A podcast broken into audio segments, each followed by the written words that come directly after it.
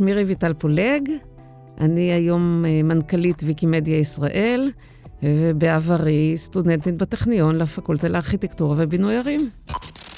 הטכניוניסטים, הפודקאסט החדש של ארגון בוגרי הטכניון. אני רותי דונג, מנכ"לית ארגון בוגרי הטכניון. היום, בפודקאסט הטכניוניסטים, נדבר עם רויטל פולג על ללכת בעקבות הזדמנויות ספונטניות, על קריירה חובקת עולם שלא מפסיקה להפתיע, ועל השורשים שאליהם תמיד מתחברים מחדש. האזנה נעימה. הטכניוניסטים הקריירה של רויטל פולג הייתה מלאה בתפניות ושינויי כיוון. לטכניון היא הגיעה בין היתר בהשראת ספר של איין רנד. אחרי שלמדה תכנון ערים ועבדה בתחום, היא החליטה לצאת לקורס צוערים של משרד החוץ, שהוביל לקריירה דיפלומטית. הדרך לקחה אותה הלאה לדרום אמריקה, למרכז פרס לשלום, לכנסת, ואז שוב לדרום אמריקה, כראש המשלחת לברזיל של הסוכנות היהודית.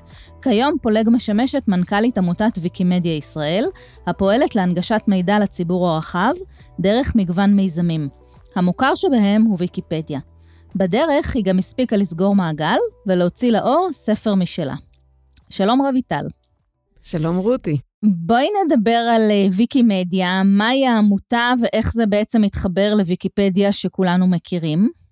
אה, ויקימדיה ישראל זה הצ'פטר הישראלי של ויקימדיה העולמית, של אה, קרן ויקימדיה העולמית, וזה בעצם מאחורי הקלעים של ויקיפדיה ושאר מזמיה. כלומר, ויקיפדיה עצמה אה, והמיזמים הם אה, מתופעלים כולם ב-100% על ידי מתנדבים. כדי שזה יקרה, יש צורך אה, במערכת שתומכת בזה, שמאפשרת את זאת, וזה מה שאנחנו עושים כאן בישראל. אנחנו מקדמים פעילות לעידוד כתיבה. ועריכה בוויקיפדיה, אנחנו מקדמים מיזמים לשחרור תוכן חופשי, אנחנו מקיימים פעילויות במערכת החינוך, העברית והערבית, אנחנו עושים את זה גם באקדמיה, דרך אגב, גם בטכניון, ופעילויות נוספות אה, עם מוסדות אה, תוכן וידע שקיימים כאן בארץ, רבים ועשירים בתוכן, שאנחנו מקווים להעלותם יותר ויותר לרשת, לשימוש הציבור, נגיש, חופשי וזמין. כלומר, מה שכתוב בוויקיפדיה זה תחת אחריותכם, או שאין קשר בין הדברים? לא, ממש לא. זה, ויקיפדיה היא גוף של מתנדבים, 100% מנהל את עצמו. לנו אין say על ויקיפדיה, אנחנו מקדמים את הפעילות כדי שנוספים ישתתפו בעריכה, כדי שיהיה מגוון רחב של אורחים ואורחות במגוון של גילאים, במגוון של uh, תחומי ידע, במגוון של uh, מגדר. פריפריה ומרכז, כדי שזה יקבל ביטוי בוויקיפדיה העברית כמובן, שזה יקבל ביטוי של החברה, הפסיכפס של החברה הישראלית. ומה לדעתך אה, התרומה של ויקיפדיה בתחום הידע? אני חושבת שהתחומה היא עצומה, זאת אומרת, אתם, אני חושבת שאין היום מישהו, ובשנים האחרונות, שאינו משתמש בוויקיפדיה כמקור אה, ידע ראשוני. החשיבות היא גם שהערכים שמופיעים בוויקיפדיה הם כולם עם אה, מראי מקורות. זאת אומרת, זה בהחלט המקום הכמעט ראשון שכל אה, סטודנט, עיתונאי, אה, תלמיד, חוקר ואדם מהיישוב בודק כשמשהו מעניין אותו. הוא ירצה להעמיק יותר, אז הוא יסתכל על המקורות, והוא יוכל להגיע משם לידע רחב יותר, אבל הוויקיפדיה עצמה היא מקור הידע הגדול ביותר בעולם. בכל uh, מובן שהוא, והיא חוגגת השנה 20 שנה, אז אנחנו ממש בשנת היום הולדת. This year, Wikipedia is turning 20 years old. Happy birthday, Wikipedia! Wikipedia began with a very radical idea. Imagine a world in which every single person on the planet is given free access to the sum of human knowledge. The knowledge in Wikipedia comes from people like me. It takes a village to build Wikipedia. When thousands of people come together to share their knowledge voluntarily and build up a big encyclopedia, it's a knowledge revolution. נכון, חוגגים. אז בשנת ה-20, מה את חושבת שעדיין חסר? זאת אומרת, איפה המגבלה או משהו שלטעמך אה, טעון שיפור? אני לא יודעת אה, להגיד שזה מגבלה, אני חושבת שתמיד יש מקום לפתח ולהרחיב. אחד הנושאים שמאוד מאוד חשובים לנו, ואני מדברת עכשיו כסניף הישראלי, אבל כמובן בתנועת אה, ויקימדיה העולמית, זה הגברת המגוון. זאת אומרת שהאורחים והאורחות יבטאו, באמת יציגו את התמונה של החברה אה, באשר היא. אנחנו כמובן עסוקים בישראל, אבל אה, שיהיה יותר אורחות, שיהיה יותר צעירים או מבוגרים. יש לנו פעילות מדהימה עם הגיל השלישי, שמוכיחה את עצמה מעל ומעבר. זה דבר אחד, ובהחלט בנושא הזה יש אה, הרבה פעילות. יש תמיד פיתוחים טכנולוגיים נוספים שנעשים כדי שהמערכת תפעל טוב יותר ונכון יותר ואיכותי ומתקדם יותר. זה גם חלק מהעשייה של אה, ויקימדיה העולמית. ויש גם את הנושא של אה, ביטחון ובטיחות ברשת, כדי שכל מי שנכנס ופעיל בוויקיפדיה ירגיש בנוח. או תרגיש בנוח, כיוון שזה מנוהל על ידי האורחים והאורחות, צריכים שיהיו כללי משחק ברורים, ואת הכללים האלה קיימים, וכל פעם ממשיכים לשפר אותם ולשכלל אותם, ולהבטיח שכל מי שנכנס לשם יוכל להרגיש בנוח ולעשות את פעילותו אה, בהתאם לכללי הוויקיפדיה המקומית, כלומר, השפה בה הוא, הוא כותב, כשיש כמה כללים אה, אה, מאחדים את כולם.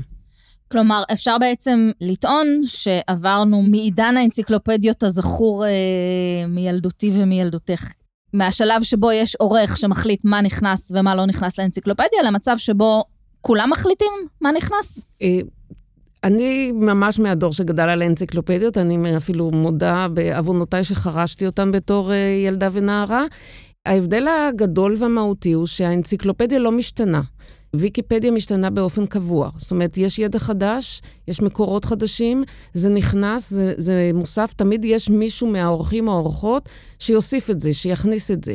ככה שלמעשה אנחנו בעולם של מהפכת ידע לא מהיום, וויקיפדיה היא הביטוי אולי הגדול ביותר של זה, מכיוון שהידע משתנה ומתגוון ומתעדכן באופן uh, קבוע, וכן, יש דיונים לגבי, בקרב האורחים והאורחות יש דיונים לגבי חשיבות וערך אנציקלופדי, והאם זה מתאים והאם זה נכון, אה, וכן, יש גם מחיקות ויש גם ויכוחים ודיונים, אה, לפעמים אפילו סוערים, שאפשר לעקוב אחריהם, אבל אה, בסופו של דבר זה נסמך על מקורות, ולכן מידת האמינות של זה הולכת ונעשית יותר ויותר גבוהה ככל שאנשים יותר לומדים איך להשתמש, איך לערוך, איך לכתוב אה, ואיך לאתר מקורות, ומה הקריטריונים לחשיבות אנציקלופדית של ערך שהם בוחרים אה, לכתוב עליו.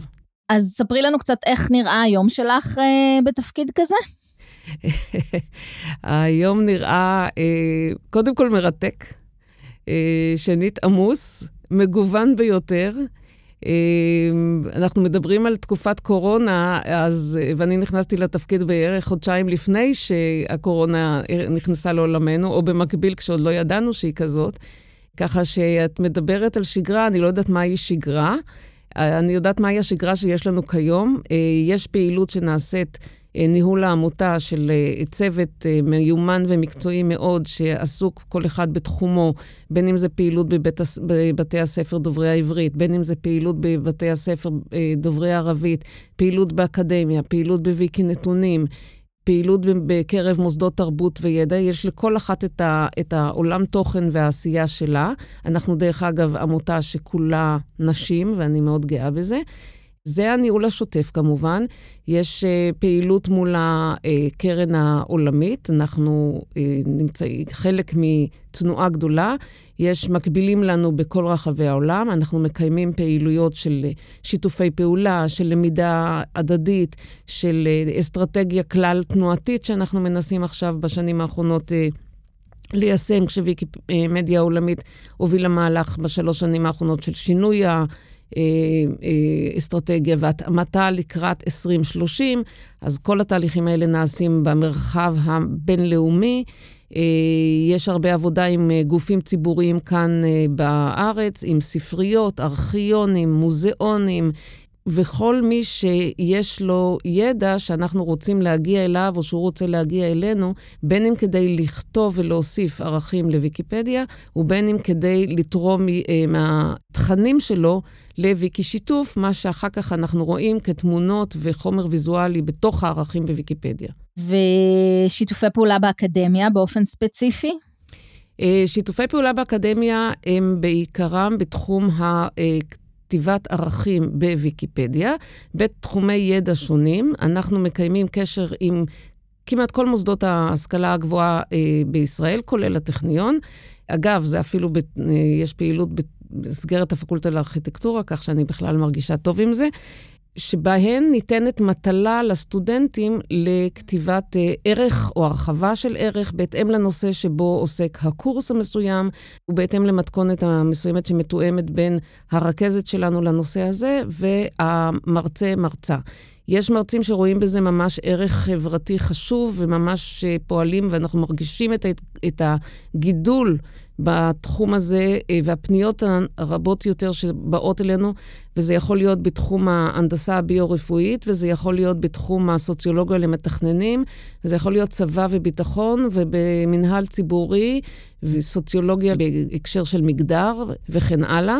אנחנו כן מרגישים שבשנה האחרונה, שנת הקורונה, אה, יש הרבה יותר התעניינות, גם קודם הייתה, עכשיו אנחנו מרגישים את ההבנה שהולכת וגדלה בקרב מרצים ומרצות, שרואים בזה מהלך של לימוד עצמי אה, מרתק, אפילו אפשרות להערכה חלופית שלי תחת מבחן, כדי שסטודנטים יתעמקו בנושאים שבהם הם אה, לומדים, וגם אה, יוסיפו ערך לחברה, לציבור. זאת אומרת, כל ערך שאתה כותב, שאת כותבת, בסופו של דבר הוא נכנס למרחב הציבורי של הערכים. כלומר, כל אחד בכל מקום יוכל ליהנות מזה, זה נגיש לכל. כלומר, זה בעצם מאפשר לסטודנטים להתנסות באיזושהי עבודה אמיתית, שהיא באמת יש לה ערך אה, בעולם האמיתי, וגם, אני מניחה, מהצד שלכם, להשלים אה, ערכים בנושאים מסוימים שבהם יש איזשהו חוסר. אה, לסטודנט זה בהחלט חוויה מיוחדת, מכיוון שהעבודה שהוא עושה היא, היא בעלת ערך בעולם האמיתי, בדיוק כמו שציינת. דרך אגב, זה נכון גם לתלמידים בבתי הספר שכותבים ערכים. אה, אנחנו אה, מקדמים את עצם הפעילות של העריכה. הנושאים שנבחרים לצורך קורס אקדמי זה או אחר, הם כמובן נעשים בתיאום עם המרצה, והנושא שבו הוא מתעניין. וכן, יש תהליך מקדים של בדיקת ערכים אה, מתאימים שיכולים להרחיב או לכתוב עליהם, איתור מקורות וכדומה. זה בהחלט עבודה מעמיקה שנעשית לפני, תוך כדי ועד סיום המהלך עצמו של הביצוע, של ה... כתיבה והעלאה למרחב הערכים. עשית לאורך השנים אה, הרבה דברים אה, שונים ומגוונים, אבל אה, בעצם ההתחלה שלך הייתה בלימודי ארכיטקטורה ובינוי ערים. נכון.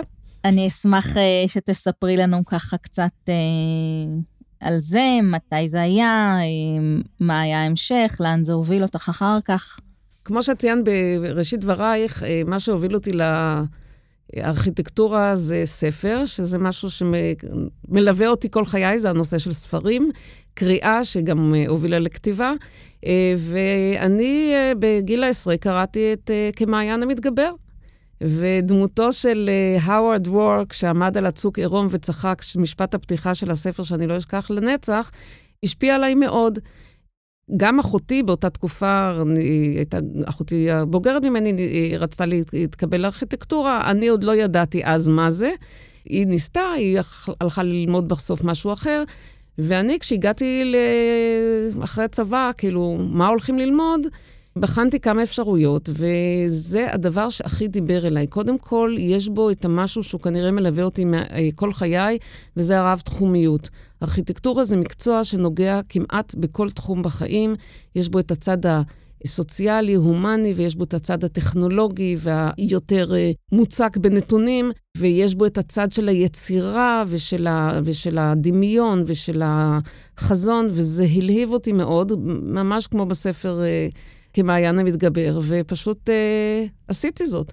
ונכנסתי לשערי הפקולטה, מאוד מאוד שמחה, מאוד מאוד uh, ככה סקרנית לדעת מה הולך להיות כאן. עברו עליי חמש שנים מרתקות, לא אגיד שהן קלות. הרבה הרבה אנרגיה והרבה הרבה ימים שהתחלנו אותם בבוקר וגמרנו אותם בבוקר שלמחרת, או לפעמים קצת יותר.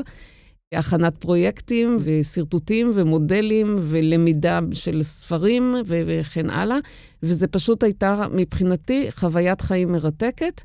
אני פניתי יותר לתחום של הבינוי ערים, ואכן... אה, בפרויקט הגמר שלי עשיתי אה, פרויקט של אה, תכנון אה, עירוני, urban design, והלכתי לעבוד בתחום, כדבר הברור מאליו. אחד המקצועות שתמיד סקרן אותי מכולם זה היה תולדות הארכיטקטורה והתיאוריות השונות שהשפיעו על התפתחות הארכיטקטורה, לא רק בהקשר העירוני, אלא בכלל. הצטרפתי למשרד של מי שהיה המנחה שלי בפרויקט הגמר, פרופסור יגאל צמיר, והתחלתי לעבוד, התחלתי את החיים האמיתיים. ואז איכשהו, באיזשהו אה, מהלך שאני לא הצלחתי אף פעם לשחזר מה הביא לזה באמת, אבל ככה משהו כנראה בבטן, התאפשרה לי הגשת מועמדות לקורס צוערים למשרד החוץ. הייתי רחוקה מזה מרחק מרח... אה, מזרח ממערב מבחינת המשמעות של מה זה דיפלומטיה ו... וכן הלאה ומה העשייה, ואיפשהו זה דקדק לי, גירד בבטן, והלכתי על זה. הלכתי והתקבלתי. עברתי את כל המבחנים ותהליכים ארוכים, מייגעים, אה, עברתי. אופס, מה עושים עכשיו? ראית מודעה והחלטת אה, ללכת על זה? כן, ממש ברמה ה... אה, כמעט אפשר לומר ספורט. בוא נראה. אה, וזה הצליח. אה, זה הצליח וזה שינה את חיי. וכששואלים אותי איך הגעתי מחיפה לירושלים, כי גרנו אז בירושלים, אני פשוט אומרת שזה היה אוטובוס. הגעתי עם אוטובוס לירושלים, ו-the rest is history, והשתלבתי שם ומצאתי עולם ומלואו. אבל חשוב לי לציין שהארכיטקט... שאני יצאתי מהארכיטקטורה, אבל הארכיטקטורה אף פעם לא יצאה ממני. ואני מתכוונת מאז ועד היום גם.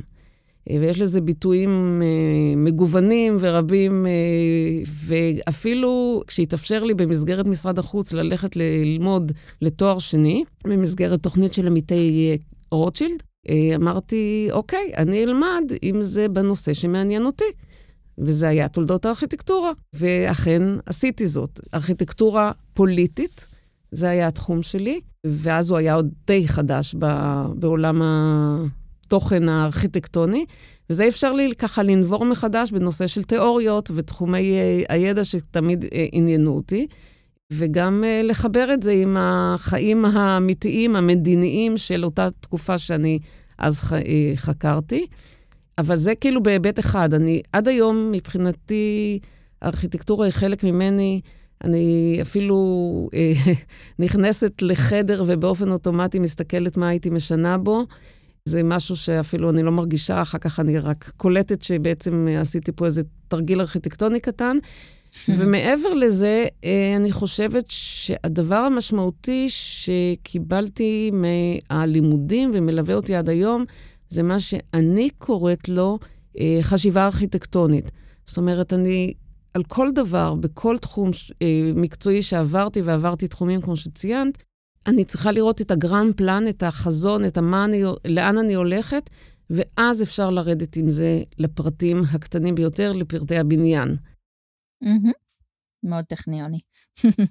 נכון. אמ, ספרי לי קצת אה, אחרי שסיימת את קורס הצוערים, אמ, מה היה השלב הבא? כי סיימתי את קורס הצוערים והתחלתי את הלימודים, זאת אומרת, הלימודים האלה היו ממש מסיום קורס הצוערים, ואחר כך באה השליחות לחו"ל. לאן רציתי? דרום אמריקה. למה דרום אמריקה? כי ככה תמיד דיברה אליי, קרצה לי, עוד לא הכרתי, היה איזה רקע משפחתי שחיבר אותי לכך.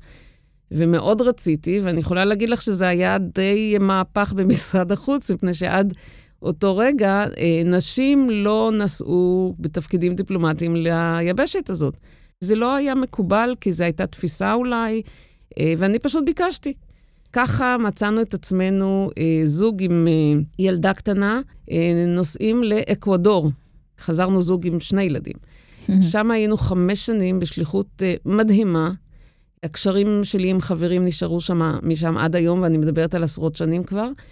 משם, עם החזרתנו, שובצתי כיועצת בלשכת מנכ"ל משרד החוץ דאז, אורי סביר, שהיה עסוק בימים הראשונים, ואני עדיין לא ידעתי זאת, כי זה היה סוד, בהסכם, אה, מה שהיה אחר כך הסכם אוסלו. Mm-hmm. וכך אה, מצאתי את עצמי בלב-ליבו של אה, עולם ה... עשיית השלום, לפחות זאת הייתה הכוונה. שמעון פרס היה אז שר החוץ, היינו צוות אה, קטן מסביבו. אני לא הייתי באוסלו, אני לא הולכת לקחת קרדיט על מה שלא עשיתי. אני ישבתי בלשכה ותפעלתי את הפעילות אה, שלי, שכולה נגעה בעבודת המשרד ובעבודת תמיכה בפעילות של אורי סביר ושל אה, לשכת השר, שהייתה קשורה כמובן לאוסלו. ואני יכולה לספר במסגרת ה"היום מותר להגיד", שבאחד הדיונים השונים שהיה צריך לתכנן איך ייראה מעבר לא במובן הפיזי, אלא כאילו איך יעברו ממקום אחד למקום שני במעברים בין הישראלים לפלסטינים, היה צריך to visualize it, והם לא הצליחו. Mm-hmm. אז למי הם קראו? ארכיטקטורה. לארכיטקטית, נכון. וביקשו ממני שאני אנסה לשרטט להם ולהסביר להם את מה שהם מנסים לייצר, mm-hmm. אז ככה שאפילו שם הייתה לזה תרומה. וכמובן הייתי מעורבת בכל הפעילות שהייתה קשורה לנושא אוסלו במשרד עצמו. ריכזתי שני פרויקטים אה, שפרס אה, הוביל במסגרת זו של אה, דיאלוג בין-דתי, והנושא של טכנולוגיה בחינוך, שהם היו חלק מהסלים, הסל התרבותי של תהליך השלום הרחב, כמו שהוא ראה אותו, המולטילטרלי. וזו הייתה חוויית חיים מרתקת מבחינה מקצועית, מבחינת הדמויות ש... הזדמן לי וזכיתי לעבוד איתן. זה ממש uh, להיות במקום שבו ההיסטוריה מתרחשת. כן, את זה יודעים בדיעבד, כי אתה, כשאתה עסוק בזה, אז אתה לא, אתה לא חי היסטוריה, אתה חי את המציאות, והיא הייתה מרתקת ב, בהחלט. וכשפרס, אחר כך הגיע, לצערנו הרב, רצח רבין, שאני תמיד מציינת ששינה את חיי, כיוון ש... בהמשך לכך אני יצאתי את משרד החוץ אה, בהזמנתו של פרס להקמת מיזם שעוד לא ידענו מה הוא יהיה, והפך להיות מרכז פרס לשלום. ראש הממשלה לשעבר שמעון פרס מגשים היום חלום, אולי חלום קטן יותר מאשר אלה שהוא בדרך כלל נוהג לדבר עליהם, אבל מרכז פרס לשלום נחנך בשעה זו בטקס במלון הילטון בתל אביב, ומשם מצטרף אלינו בשידור חי, גיא זוהר, בבקשה.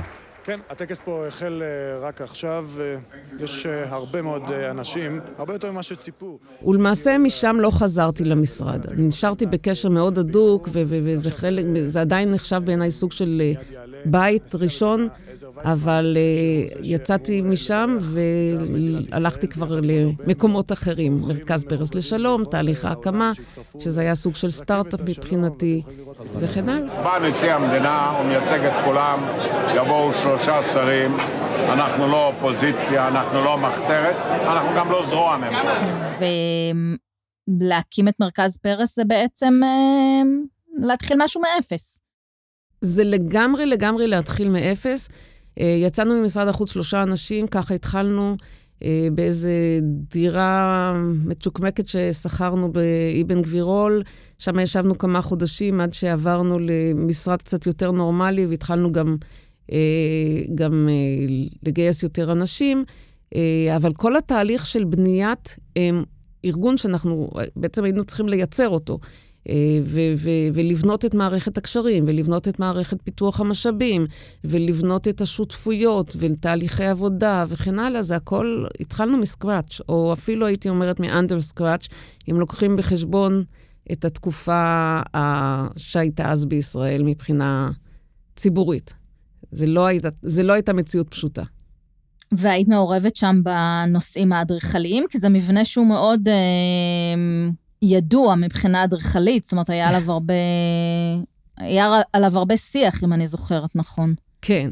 אה, אני יכולה לספר שבפגישות הראשונות עם האדריכל, או עד השלב שהוא הגיש את התוכנית, אה, כן, הייתי מעורבת, יצא לי להיות עם אה, פרס בפגישה עם האדריכל באיטליה.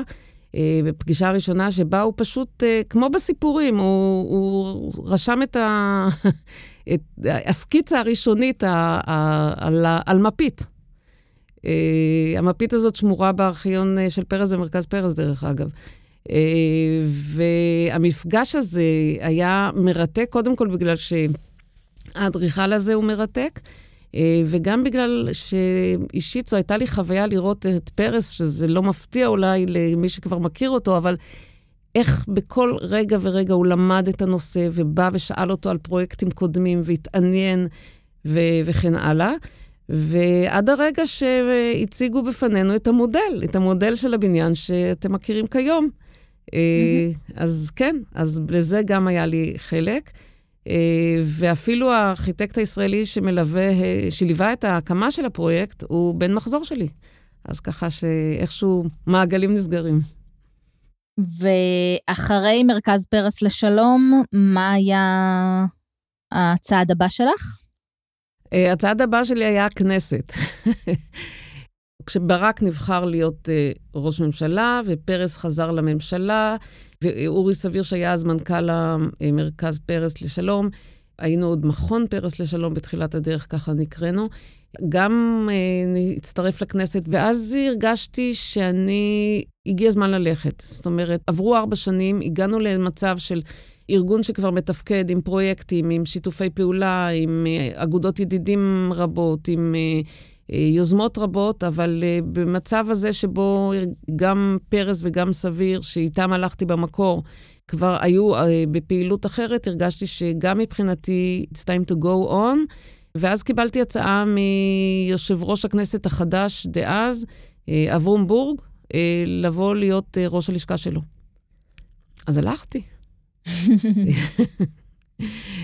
הייתי שם אחרי שלושה חודשים שנכנס לתפקיד, אז אני הצטרפתי, והייתי שם עד סוף הקדנציה, ולמדתי עולם חדש, מכיוון שאם רוב ימיי המקצועיים היו בעיסוקים בחו"ל, פה פתאום אה, נחשפתי לעשייה המדהימה בארץ, בכל העשייה הפרלמנטרית, עולם תוכן מרתק, אה, ימים שונים מאוד מימי הכנסת שאנחנו אה, מכירים כיום, וגם אז הייתה ביקורת עזה על הכנסת, שלא תהיה טעות.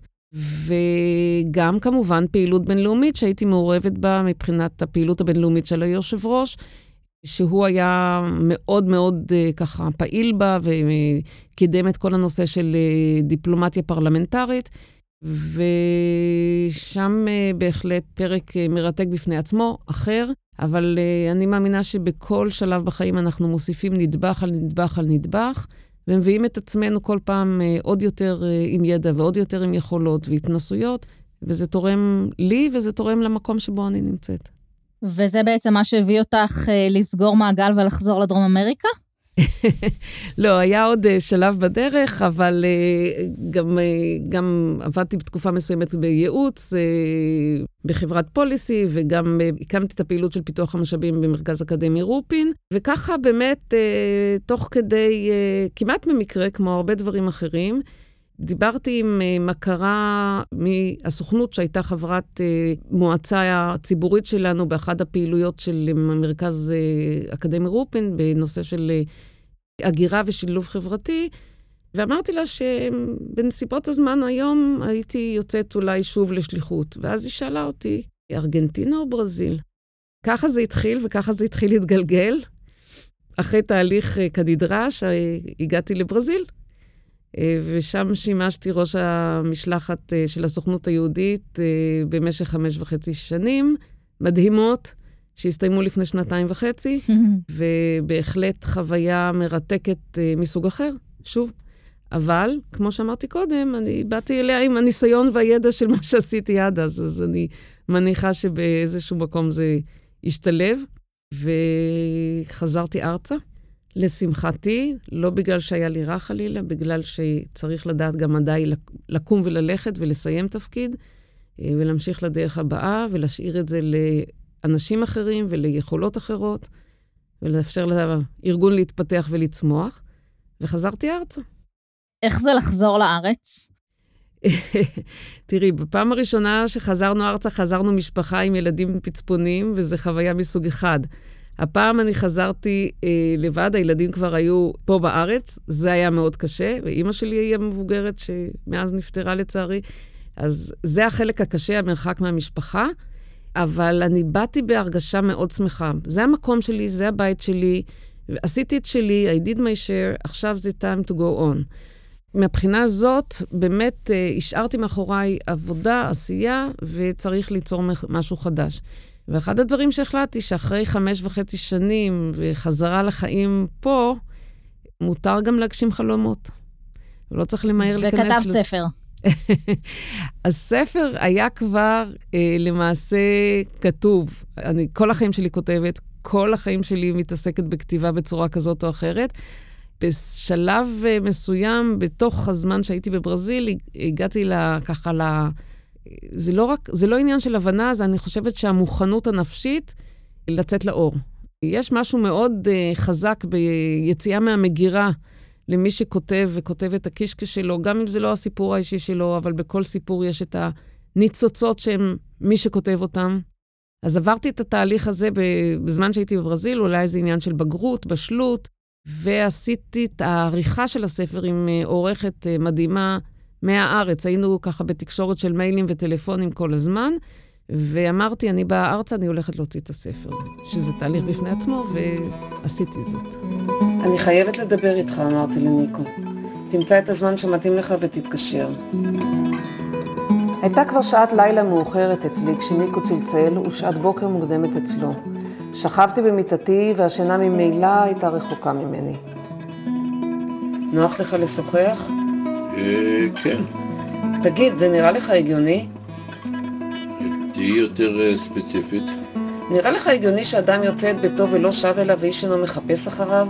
נראה לך סביר שאדם נעדר ממשפחתו והיא מרגישה נפגעת וממאנת לברר מה קרה איתו? האם ההתמודדות עם משמעות האירוע מפחידה אתכם עד כדי כך? סתיו חייב, ספר... אה, אני משוחדת, אני לא אגיד שהוא טוב. לא, לא, תעשי, זה שלב הפרסומת עכשיו. פרסומת לספר.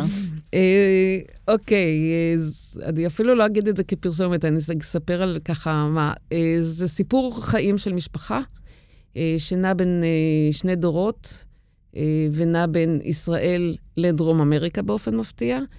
אה, משהו קורה במשפחה ברגע נתון, והוא מעורר, אה, הוא יוצר איזה טריגר לבדיקה של, כאילו, לחזרה לדברים שקרו בעבר. אה, אב המשפחה המבוגר, אדם בן 80, פשוט קם ועוזב את הבית ולא רוצה לחזור יותר. והמשפחה נותרת המומה, כועסת, ולא הולכת לחפש אותו. ומי שהולכת לחפש אותו, כי היא לא יכולה להסכים עם המצב, זה הכלה. שהיא נמצאת באותו רגע בדרום אמריקה, והיא יוצאת למסע משלה אחריו, ובמסע שלה אחריו היא מגלה את הסיפור שלו, והיא בודקת את החיים שלה. וזה הולך בין העבר להווה, ומה קורה שם תקראו לבד. אנחנו לא נעשה ספוילרים, אבל הספר אנחנו אה, כן נציין, סתיו חייו, אה, כתבה רויטל פולג, מוזמנים ומוזמנות אה, לקרוא. עצות לסטודנטית המתחילה או לסטודנט. תראי, אני אגיד בכנות, אני מניחה שטכניון השתנה מאוד מאז השנים שאני הייתי שם, אה, אז בטח גם דרכי למידה והכול. אני אומרת לסטודנטית ולסטודנט, בואו פתוחים. זאת הזדמנות להיות אה, מין משאבה של ידע, להיחשף, להכיר, ללמוד. אה, דברים שיעזרו לכם היום, או דברים שיעזרו לכם פתאום יצוצו כמה שנים רבות אחר כך. אה, תפתחו את עצמכם אה, ותבלעו את מה שאתם יכולים ותהנו מזה. זה לא קל, הטכניון הוא לא מקום שקל ללמוד בו מבחינת העומס, מבחינת הדרישות, מבחינת היכולות שזה דורש ממך. זה בהחלט מאמץ. אז תנסו להקל על עצמכם בכך שתמצאו מה מעניין אתכם, מה מענה אתכם, ולכו על זה. מה זה עבורך להיות בוגרת טכניון? המון גאווה. אני חייבת לומר שאני מאוד גאה להיות בוגרת הטכניון, למרות שאני לא יישמתי את המקצוע באופן ספציפי. אני בהחלט uh, מרגישה חלק מזה. אני יכולה להגיד לך שלאורך המסלול המקצועי שלי היו לי כמה וכמה מגעים uh, כאלה ואחרים ששמחתי להגיד שאני בוגרת הטכניון. Uh, אני זוכרת אפילו בלשכת יו"ר הכנסת שבאו לחגוג את... 70 שנה לטכניון, זה היה מזמן. אה, נכון. ואני, מה זה שמחתי? סוף סוף יש לי ככה, אז אני חוגגת משני הצדדים, גם מהצד של הכנסת וגם מהצד של הטכניון. אה, זה, אה, להיות בוגר הטכניון זה אומר שכששואלים אותך איפה למדת, לא משנה באיזה מקום בעולם, כולם יודעים מה זה. כולם שמעו על זה. זה הרבה גאווה. זה שייכות לאיזה קבוצת איכות, שאני מאוד שמחה להיות ממנה, חלק ממנה. מה קיבלת בטכניון שלא היית מקבלת בשום מקום אחר? אני למדתי בהמשך באוניברסיטה העברית, כשעשיתי את הלימודים לתואר השני, ולמדתי גם באוניברסיטת תל אביב, כשעשיתי לימודי אה, מנהל ניהול עסקי בכיר במסגרת להב. אני חושבת שחוויית הראשונות היא תמיד אחרת, והיא תמיד יותר אה, פרש ומשפיעה. אני באתי לשם צעירה, אחרי צבא, ומבחינה זאת, אה, אני חושבת שקלטתי הרבה יותר. העולם שלי היה מרוכז בלימודים, זה היה מרכז עיסוקי, ולכן כן, אני קיבלתי שם הרבה יותר מאשר בהקשרים אחרים, במוסדות האחרים שבהם למדתי.